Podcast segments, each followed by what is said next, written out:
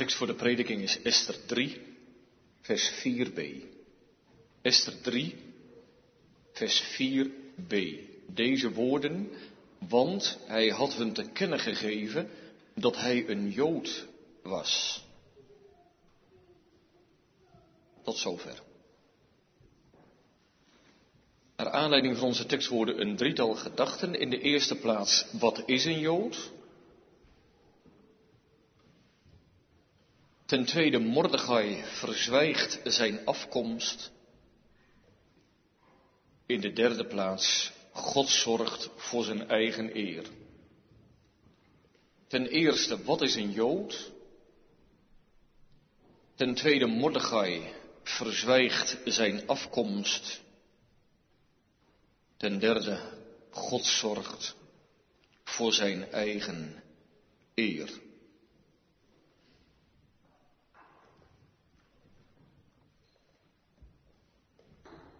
Mordechai had te kennen gegeven dat hij een Jood was.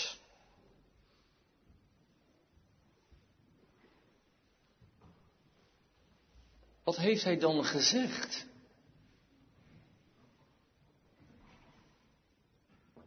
Wat heeft hij dan te kennen gegeven? Wat heeft hij daarmee dan tot uitdrukking gebracht? Hij heeft dus gezegd, ik ben een Jood. Maar wat zei hij daar? Is dat dan zoiets bijzonders? Verandert dat dan de kijk op alles? Maakt het dan wat uit? Heeft dat gevolgen als je dat zegt? En zo ja, welke gevolgen? Wat is dat? Een Jood. Als je in Nederland zou zeggen, ik ben een scherpenissenaar, zouden denk ik de meeste mensen hun schouders ophalen. Waar ligt dat? Wat is dat? Maar op de een of andere manier, als je wereldwijd zegt, ik ben een Jood, lijkt het wel alsof er ineens alarmbellen gaan rinkelen. Het schijnt toch een apart volk te zijn. Jood zijn, dat heeft gevolgen. Dat zegt iets. Er is kennelijk iets merkwaardigs aan het Jood zijn. Want inderdaad, op het moment dat Mordechai dat te kennen geeft, verandert er alles. Er gebeurt wat. Oh. Oh, ben jij een Jood? Nou, dat zullen we dan nog wel eens zien. De houding wordt ineens heel anders tegenover Mordechai.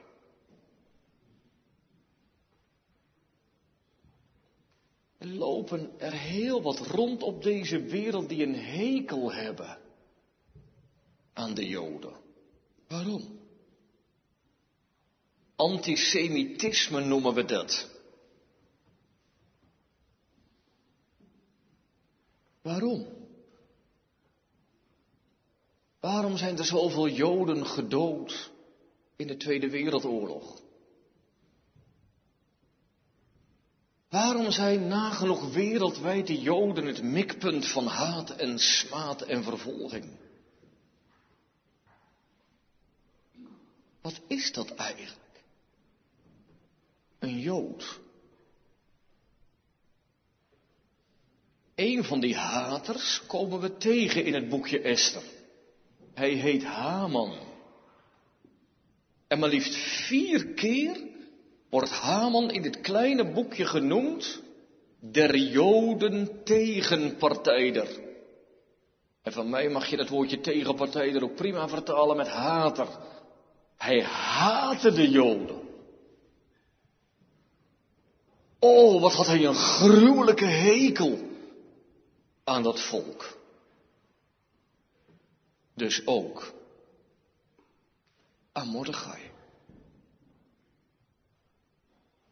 Jood zijn, dat betekent lijden.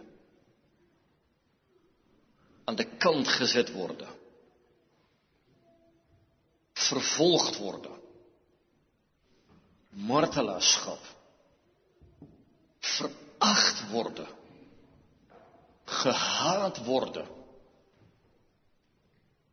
En als geen ander weten de Joden dat natuurlijk zelf. Ze hebben het aan den lijve ondervonden. Dat er aan het grote voorrecht om Abrahams kinderen te zijn een geweldig prijskaartje hangt. Een prijskaartje van lijden, van smaad, van veracht en verdrukt worden. Het is daarom niet verwonderlijk, niet goed, maar niet verwonderlijk dat ze Jesaja 53 uitleggen en toepassen op zichzelf. Hij zegt, dat zijn wij. Wij zijn altijd als een schaap dat stemmeloos is voor dien die het scheert. Wij zijn dat lam dat ter slachting wordt geleid. Wij zijn in de ogen van veracht. Wij zijn altijd de zondebok. Iedereen wijst met de vinger naar ons.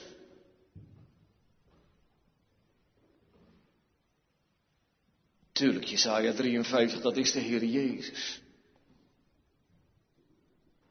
Maar de Joden menen dat het toepasbaar is op henzelf. Dus Jood zijn, dat heeft te maken met lijden. Absoluut. Ik ben een Jood. Dus vanaf nu, Mordechai, ga je lijden. En dat hele volk van jou zal met je lijden. Dat heeft Haman zich voorgenomen vanuit het diepst van zijn ziel. Er zijn nog twee aspecten die horen bij het Jood zijn. De Torah, de wet, en de besnijdenis. De Torah, de wet, die ze naar eer en geweten zo goed als ze kunnen onderhouden. Zeker weten. En als moet nog een schepje erbovenop, absoluut. Kijk, goed, ook een Jood zal zeggen, niemand is volmaakt. Maar als je het weer overdoet en je doet het beter, toch? Zij kunnen immers niet verloren gaan. Ze zijn besneden. God heeft een verbond met hen gemaakt. Oh, wat zingen ze het graag. Zo wou hij met geen volkeren handelen. Voorrechte positie. Over heel de wereld. Zij zijn het volk van God. Absoluut waar.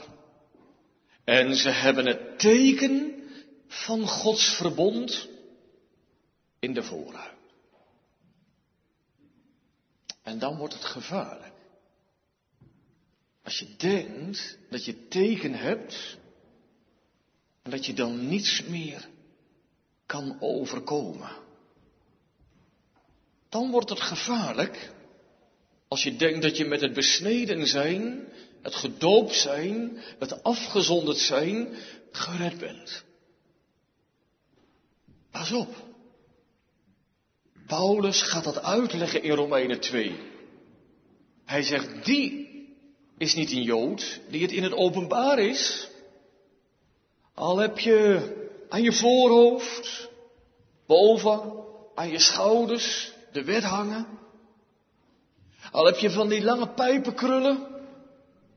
Al ben je uiterlijk herkenbaar als een Jood. Dan ben je het daarom nog niet. Je bent een Jood, zegt Paulus, als je het in het verborgene bent. En dan bedoelt Paulus met het woordje verborgen niet stiekem. Achter gesloten deuren, achter je voordeur. Dat is wat onze overheid zo langzamerhand graag wil. Dat is de druk die opgevoerd wordt vanuit de maatschappij. Wil jij christen zijn? Best. Dan doe je maar gewoon thuis. Niet op de werkvloer. Daar hou je mond. Als niemand er last van heeft, dan mag jij jouw God wel aanbidden. Dan mag jij wel zingen. Maar denk erom, als je op het openbare, het publieke terrein komt, dat je je mond houdt. Nee, dat bedoelt Paulus niet met het woordje verborgen. Hij bedoelt met het woordje verborgen dat je hart besneden moet zijn. Dat je wederom geboren moet zijn. Dat je nieuw leven moet hebben gekregen. Dat het oude is weggedaan. En dat je nieuw leven van God hebt ontvangen. En dan komen we bij de echte betekenis van het woordje Jood. Want Jood is afgeleid van een Hebreeuws woordje. En dat betekent loven, prijzen. Dus dat is een Jood. Die God looft. Niet achter de voordeur, nee, maar oprecht met je hart. God prijst.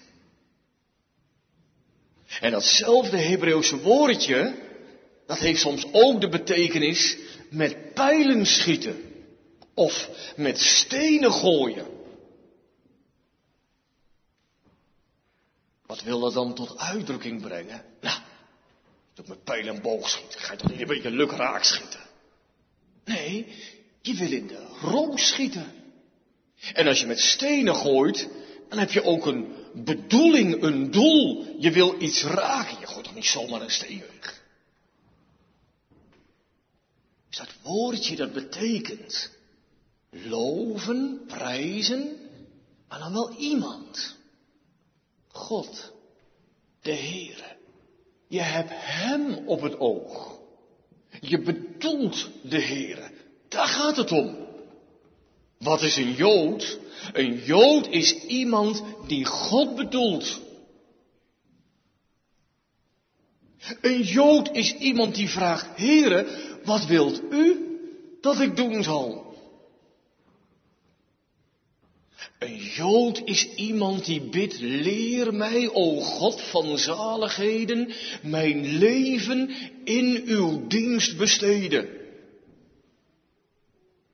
Een Jood is iemand die zegt, looft God naar zijn hoog bevel. Het is opmerkelijk dat het bevel om God te loven het meest voorkomende bevel is in het Oude Testament. Aardig wat keertjes staat er bekeert u in het Oude Testament. Maar vaker staat er, looft God. Laten we dat nooit vergeten. Er staan tal van geboden in de Bijbel, tal van bevelen in de Bijbel.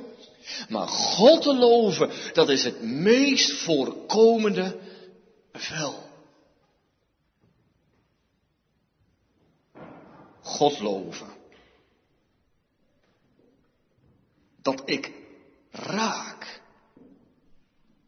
Dat is een Jood. Nou moet je nog even denken aan die man hè, met pijl en boog. Of hij nu op jacht is, of hij doet het voor zijn hobby, dat maakt me niet uit. Maar je ziet hè, hoe geconcentreerd hij zijn boog gespannen heeft.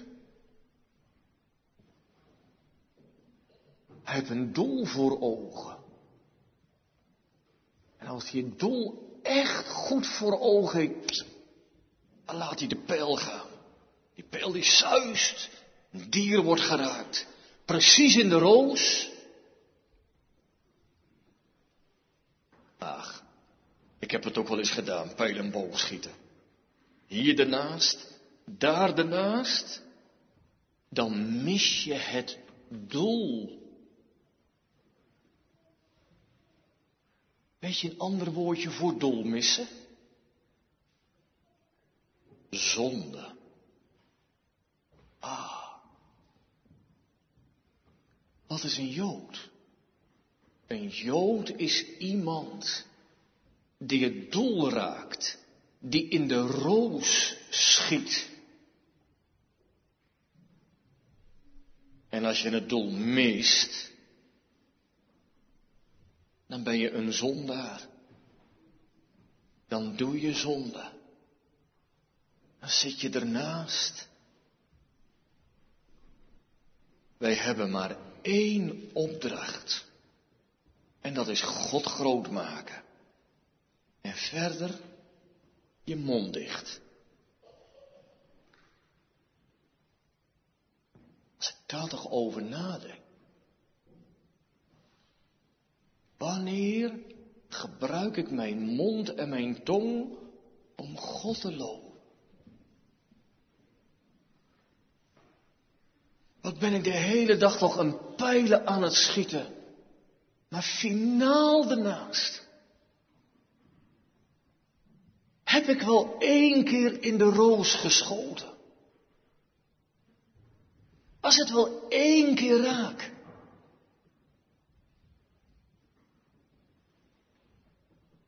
Wat besef ik toch ineens dat ik een gruwelijke afgodendienaar ben.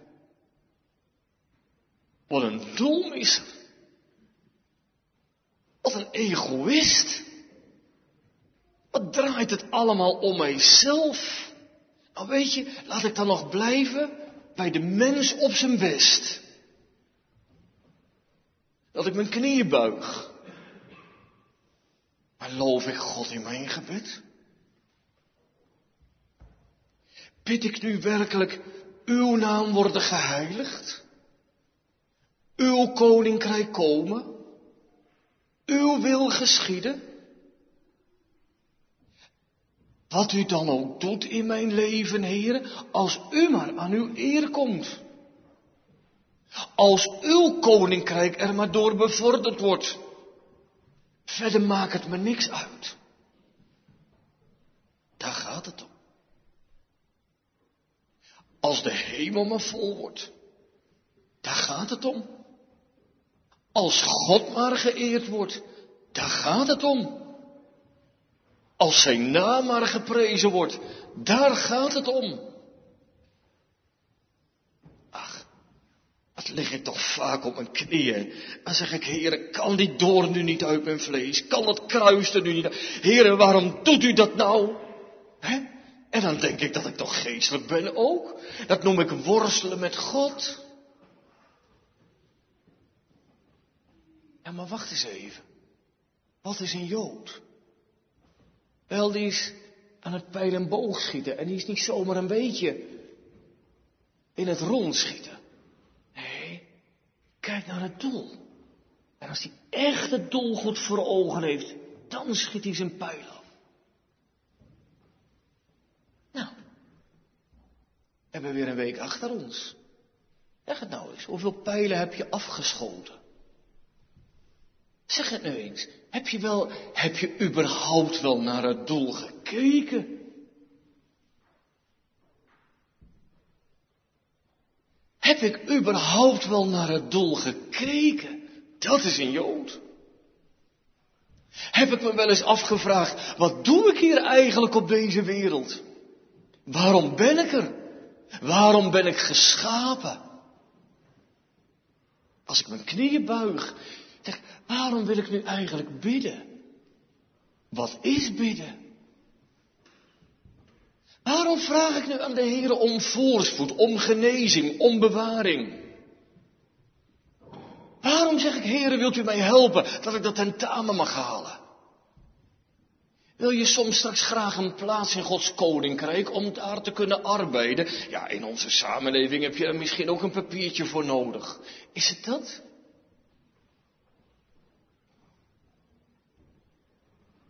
Heb ik überhaupt wel naar de roos gekeken?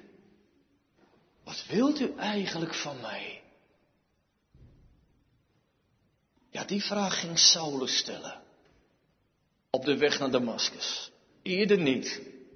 Eerder was hij er vast van overtuigd dat hij prima deed, toch? Wie ben nou wakker gelegen vannacht? Heeft nou de schuldbrief thuis gekregen? Wie klaagt nu, o God, uw eer? Ik denk er nauwelijks tot niet over na. Maar toen Saulus op weg naar Damascus was, en hij in die lichtstraal van Gods majesteit kwam, daar kon hij niet meer uit. Hij kon geen kant meer op. Zegt hij, heren, wat wilt u? Ja, wat wil God eigenlijk?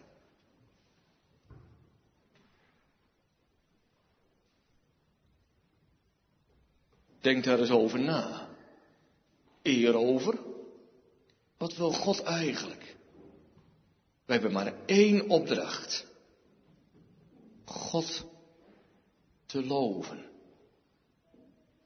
Nu is het opmerkelijk dat het woordje loven in het Hebreeuws, Jood, nog een betekenis heeft. Het betekent ook beleiden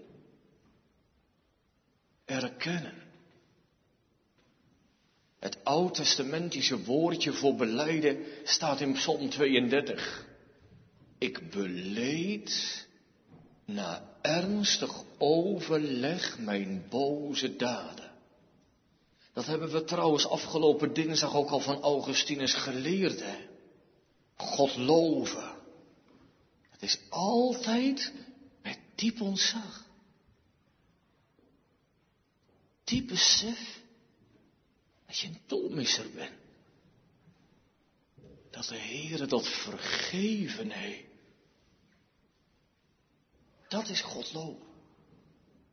Wij kunnen God niet eens loven zonder dat wij weten dat onze schuld vergeven is. Dus lofbeleidenis, dat is altijd Gods reddend handelen erkennen. En dat tegen de achtergrond van je eigen falen, zonde, schuld. God loven altijd vanuit dat diepe besef dat Hij de gans andere is. Hij is de heilige en ik ben een zondaar. Dat is een Jood. Dat is een Jood. Net als in 1 Koningen 8, dat gebed wat Salomo bidt. Als ze dan komen, er is oorlog geweest, of er is hongersnood, of er is een besmettelijke ziekte, en uw naam beleiden, Jood, en uw naam beleiden, Jada, hoor dan in de hemel. En dan zegt de Heer in Kronieken, Salomo, ik heb uw gebed verhoord. Weet je nu wat een Jood is? Ja, maar ben ik een Jood? Of heb ik met diepe eerbied gesproken? Die ene Jood nodig. De Heer Jezus. Die had altijd de ere van zijn vader op het oog. En die zweeg niet als de eer van zijn vader in het geding was. Onze tweede gedachte. Mordechai verzwijgt zijn afkomst.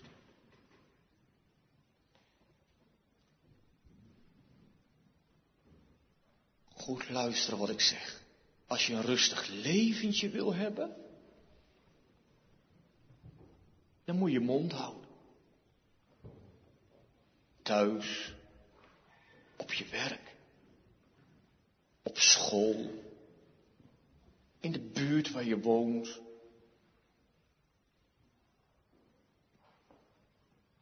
Ze hoeven niet te weten dat je naar de kerk gaat.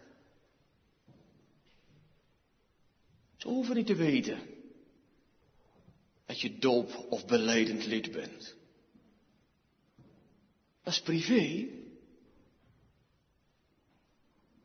En dan gaat het prima. Ik hoorde pas van iemand die 25 jaar bij een baas werkte. Die baas die kwam. Die man feliciteren. En de dominee die was er ook net. Zegt de baas. Ik wist niet eens dat je naar de kerk ging. Kan dat nou? 25 jaar bij een baas. En ze niet eens weten dat je naar de kerk gaat. Kun je nu een jaar op het Calvijncollege zitten? Ja, daar weten ze natuurlijk wel dat je naar de kerk gaat. Maar dat je nog nooit God geloofd hebt? Heb je nog nooit in de klas een goed woord van de Heer gesproken? Kan het nou echt zo zijn dat je ergens woont? En dat je andere mensen nog nooit verteld hebt wie God voor je is? Wat een blamage. Wat een aanklacht. Die directeur die zegt het is een onschuld. Ik wist niet dat je naar de kerk ging. Nee, ze wisten het van Mordechai ook niet. En Mordechai had tegen zijn nicht Esther gezegd, denk erom dat je het zegt. Denk erom dat je het zegt dat je een Jodin bent. Mond houden. Dat is ook wat. Dat Mordechai zijn mond houdt. Ja, natuurlijk. Heb je een mooi rustig leventje. Zit niemand je dwars. Of hebben we net gezien, Joods zijn, dat betekent lijden. Verachting, haat, smaad. Nou ja, wie wil daar nu naar solliciteren? Er heeft toch niemand zin in om met de nek aangekeken te worden? Sta je eensklaps alleen? Nee hoor. Ik wil ook nog graag meetellen. Eén ding wist Mordechai maar al te goed. Als ik verklap waar ik vandaan kom, dan krijgt dat gevolgen. Welke, hoe, precies, wat, maar dat krijgt gevolgen. En daar zit ik niet op te wachten. En jij ook niet, Esther? Hou je mond. Denk er goed om. Je hebt een ander niks mee te maken. Nou, dan ben je een aardige buurman. Tjoe, ben je de leukste jongen van de klas. Iedereen vindt je aardig op je werk. Als je je mond maar houdt. Prachtig leventje heb je dan. Hoor je overal bij. Zondags bij de gemeente. En door de weeks bij de wereld. Nou, wil je het nog mooier? Wil je het nog makkelijker? Daar lijkt Mordechai voor te kiezen. Wie is dat eigenlijk, Mordechai? Nou, zijn overgrootvader hoorde bij de mensen die weggevoerd zijn uit Juda. Door Nebukadnezar. Dus je kunt er goed van op aan dat Mordechai geboren is in dat Perzische Rijk. Ver van huis. Biologisch was hij een Jood. Hij zal de verhalen nog wel gehoord hebben. Maar hij is nooit in het land van de belofte geweest. Nooit met eigen ogen de tempel gezien. Sterker nog, eigenlijk was hij pers onder de persen. Hij had zich gezetteld daar op de burg Suzanne. Zo'n 60 jaar geleden, of Mordechai dat ook gehoord heeft, dat weet ik niet. Misschien wel zijn ouders. Maar zo'n 60 jaar geleden had koning Kores gezegd tegen de Joden: Als jullie terug willen naar het land van de belofte, dan mag dat. En het is onbegrijpelijk, maar God heeft het hart van die koning geneigd. Het is onbegrijpelijk. Chorus die zegt ook nog, wat jullie nodig hebben, vraag het maar tot op zekere hoogte. Jullie krijgen ook al de schatten hè, die mijn vader Nebukadnezar heeft ontroofd, krijgen jullie allemaal mee terug. Die gouden, die zilveren bekers, die tempelschatten. En wat je ook nodig hebt voor de herbouw van de tempel, je krijgt het. Wat heeft Kores nou met die Joden te maken? Ja, Kores is Gods gezalfde.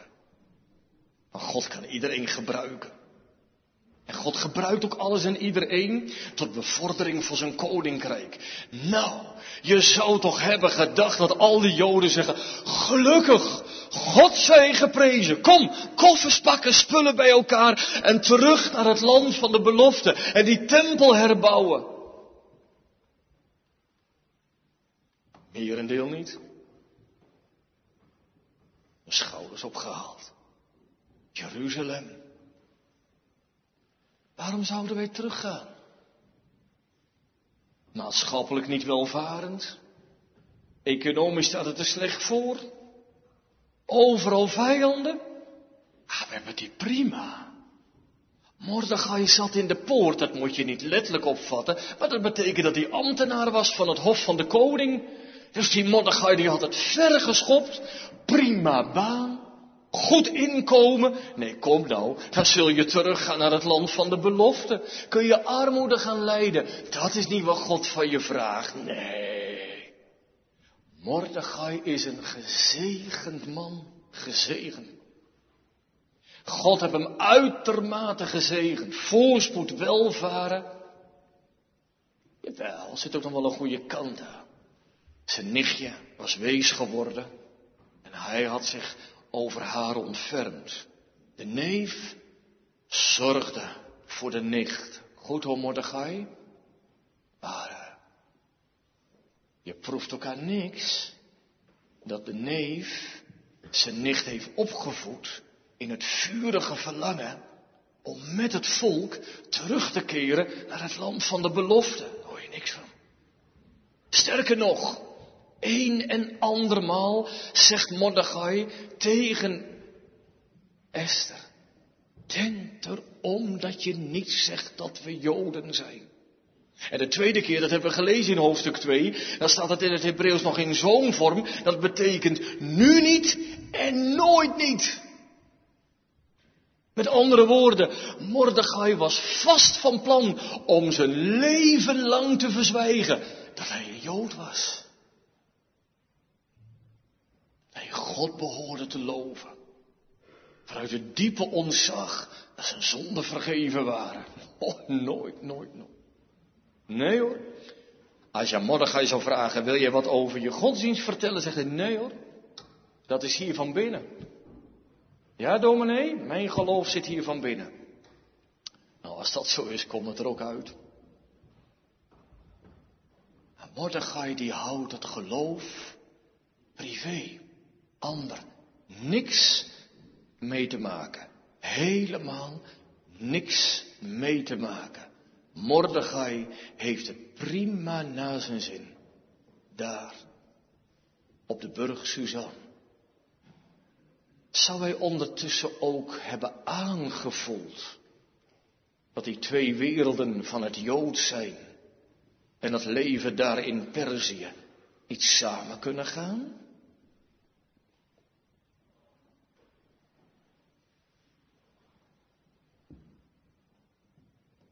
Is er iemand vanmorgen in de gemeente die voelt dat kan niet samen?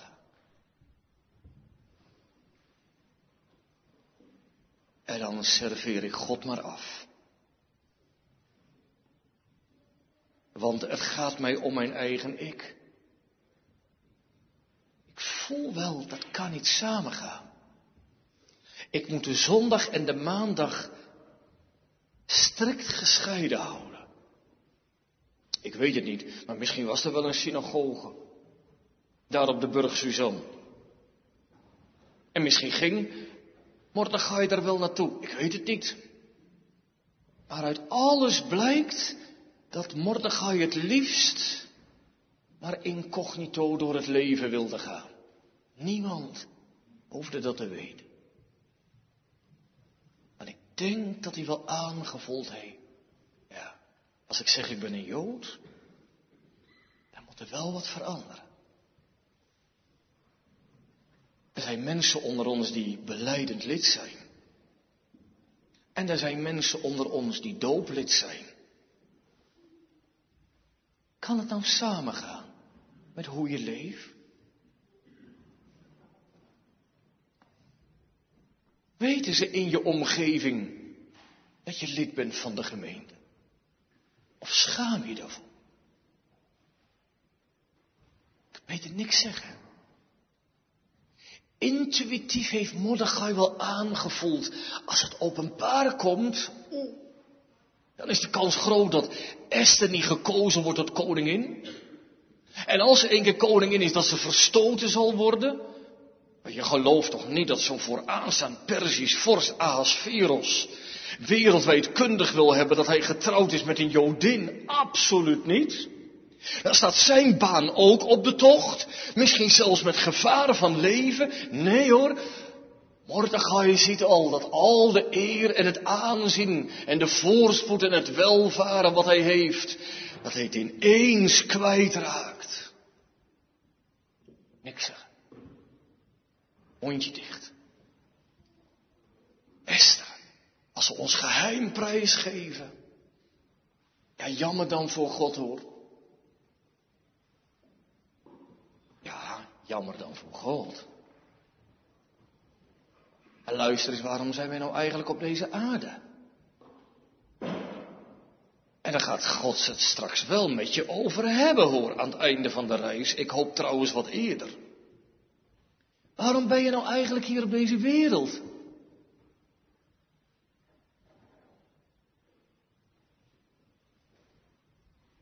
Ja, jammer dan voor God. Maar ik wil mijn baan er ook niet aangeven, toch? Keuze maken, ja, dat is zo lastig, dominee. Openbaar beleidenis doen, dat is vragen om een conflict. Je kunt de geschiedenis van Esther lezen, dat ze natuurlijk ook bij die harem zou worden ingeleefd. Ik lees nergens dat ze er een traan om gelaten heeft. En ik lees nergens dat Mordechai geworsteld heeft. Oh, wat gebeurt er toch? Het kan toch niet dat een Joods meisje gaat trouwen met zo'n heidense vorst en dan aan het hof komen waar aan God nog gebod gedaan wordt. Sterker nog, Mordechai heeft haar juist naar voren geschoven. Wie weet. Vreselijk toch. Als wij zo verzwijgen dat we Jood zijn. Verzwijgen, dat is verlogenen. Uit angst. Wereldgelijkvormigheid, niet bereid zijn om te lijden, dat maakt de kerk zo krachteloos en zo zwak. Mordechai verzwijgt waar hij vandaan komt. Nou, dat is nu precies uw en mijn staat.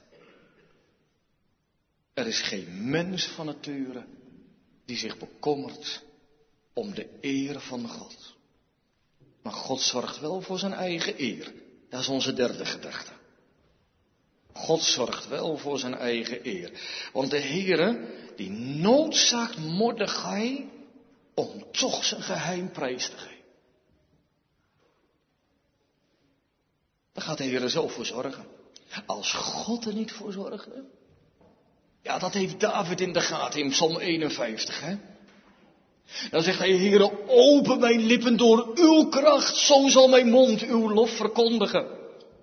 Want die mond van mij zit, als het gaat om de eer van God, potdicht.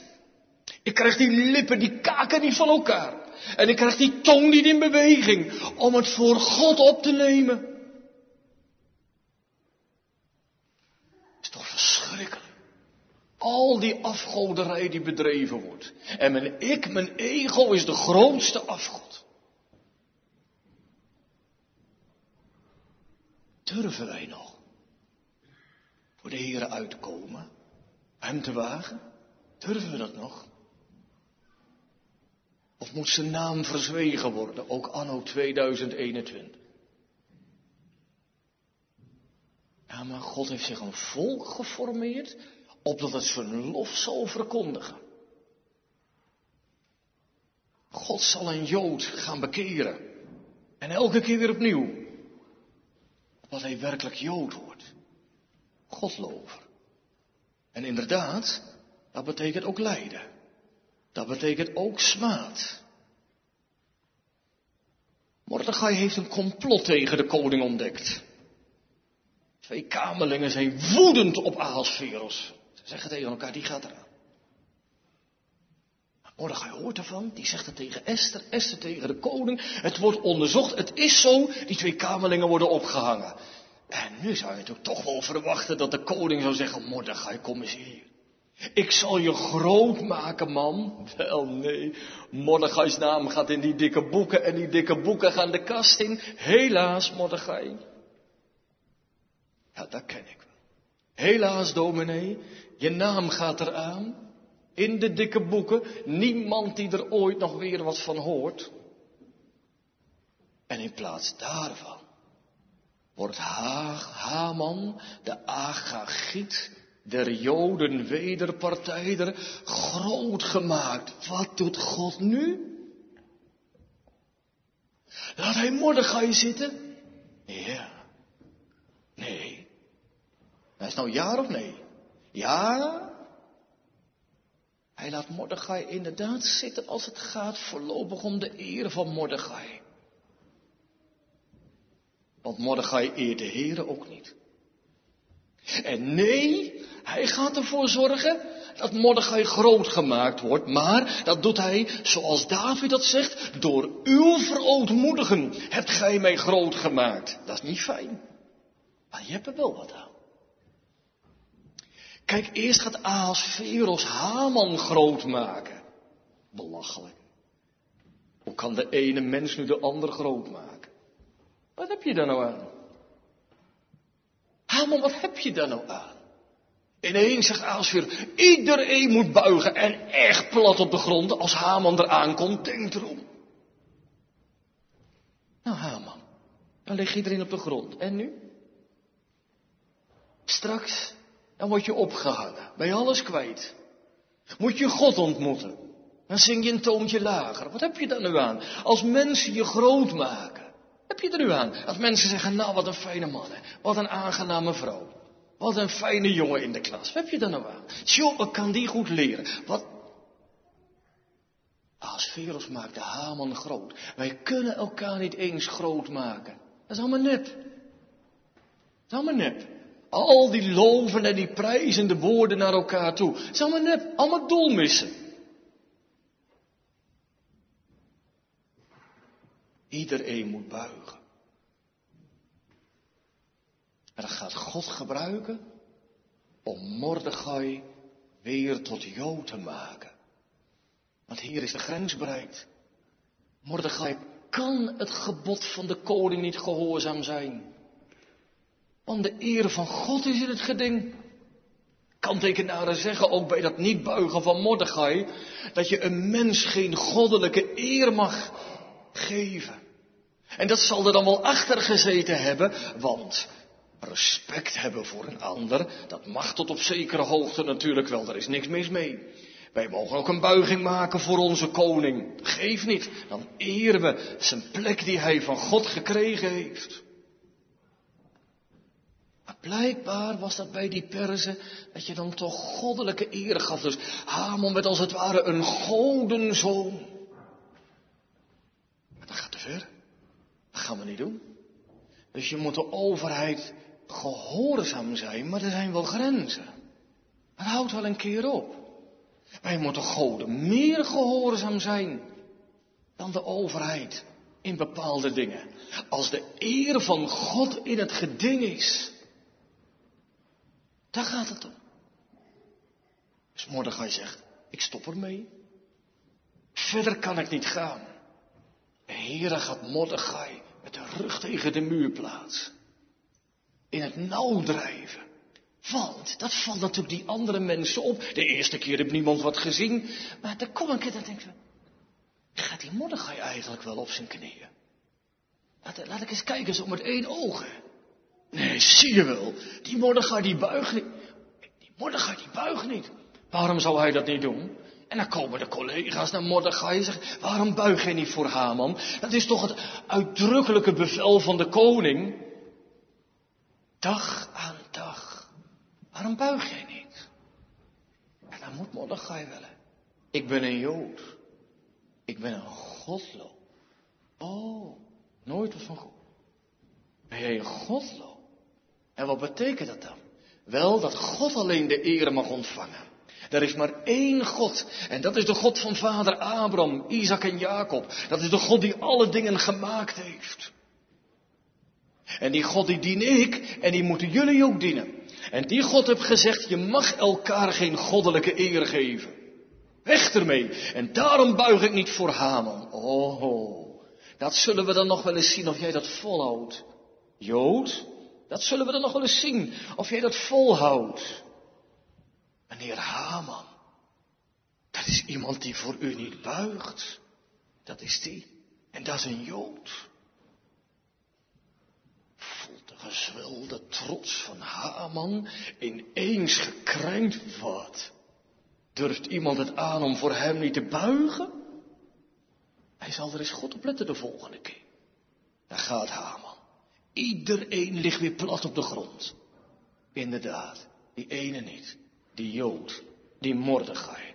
Hij buigt niet. Mordechai heeft zijn mond open gedaan. Hij is een Jood.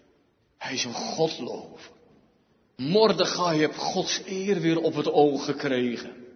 Mordechai heeft weer gekeken, als ik met pijl en boog wil schieten, dan moet ik kijken naar de roos. En dan moet ik raak schieten. De roos moet geraakt worden. Nou, er is in de roos geschoten. En dat betekent lijden.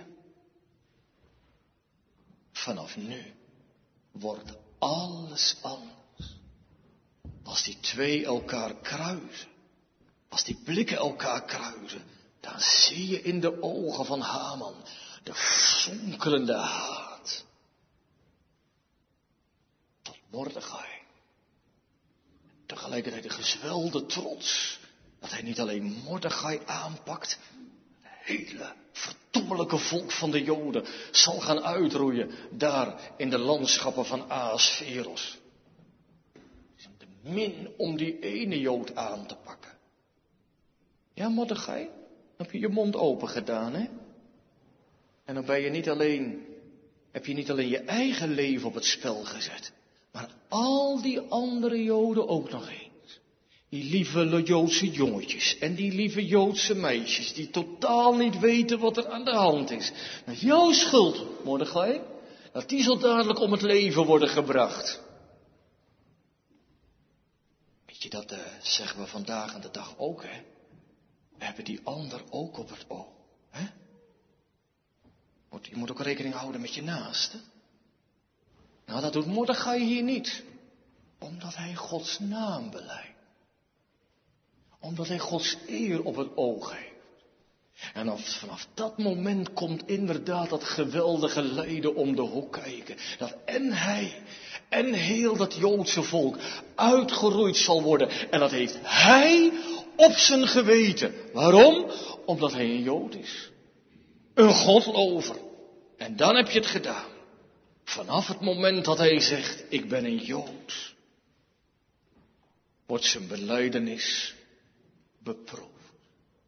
Wat een genadebon. Als God ons daar gaat brengen. Ook in de crisis waarin wij ons bevinden. Dat God ons nu op die plek gaat brengen dat je niet anders kunt al weet ik wat hoeveel lijden dat met zich mee gaat brengen. Dat zou maar kunnen. Dat het gebeurd is met ons rustige leven. We hebben altijd nog dankzij de liberale partijen natuurlijk vrijheid. Zometeen wordt het dankzij de antichristelijke partijen dat artikel 23 geschrapt wordt. En dat is hard nodig. Ik ben er bang voor, zeg ik eerlijk. Het is hard nodig. Maar ben ik een Jood? Ben ik een godlo? Wat heb ik altijd maar gedacht, nou weet je wel, wij het onze hier mooi in de gemeente en dan de anderen het hunne met dat geweldige wederzijdse respect voor elkaar. En dan hoeven we onze mond niet open te doen, maar je ziet toch wat God aan het doen is. Hij gaat de Joden weer bekeren. En dan hoop ik ook natuurlijk echt de biologische Joden, maar ik hoop ook de geestelijke Joden. Godlovers, opdat zijn naam weer beleden, erkend en geëerd zal worden. Want daar gaat het om. God heeft ons geschapen, opdat wij zijn naam zouden groot maken. Kijken wat er gebeurt. Ik ben een Jood, zegt Mordechai. En vanaf dat moment staat hij alleen. Nou, we gaan morgen samenleving weer in. En ik weet wel, dominees hebben goed praten. Maar zou je het durven? Zou je het kunnen? Zou je het willen om alleen te staan? Morgen ineens een streep door die fijne collegialiteit. Je hebt het zo in de gaten, vanaf morgenochtend tot aan de lunch. Je wordt met de nek aangekeken. Geen vragen meer, geen opmerkingen, ja, misschien ook verkeerd. Oh, ben jij een Jood? Nou, dat zullen we nog wel eens zien. En weet je, dan lig ik maar in het verborgen op mijn knieën. En zeg ik, oh God, ik beef als een rietje. Want als het erop aankomt, mits God zorgt voor zijn eigen eer. Ik heb voor u gebeden, Petrus, uw geloof niet ophouden. En niet alleen voor u, Petrus, ik heb ook voor Johannes, voor Jacobus, voor Bartholomeus, voor heel mijn kerk gebeden. Dus het komt op de zeef, daar kun je van op aan, daar kun je op wachten. En God gaat een mond open doen om zijn lof te midden van de crisis te vergroten. En het wordt beproefd. En zeg ik, oh God houdt me vast. Ja, dat doe ik. Zegt de Heer Jezus. Ik houd u vast. En ik breng het tot een goed eind. Maar wel voor degene die Jood is in het verborgen. Al die anderen, die vallen af. Redden het. Die gaan mee met de afgoderij van onze tijd. Amen.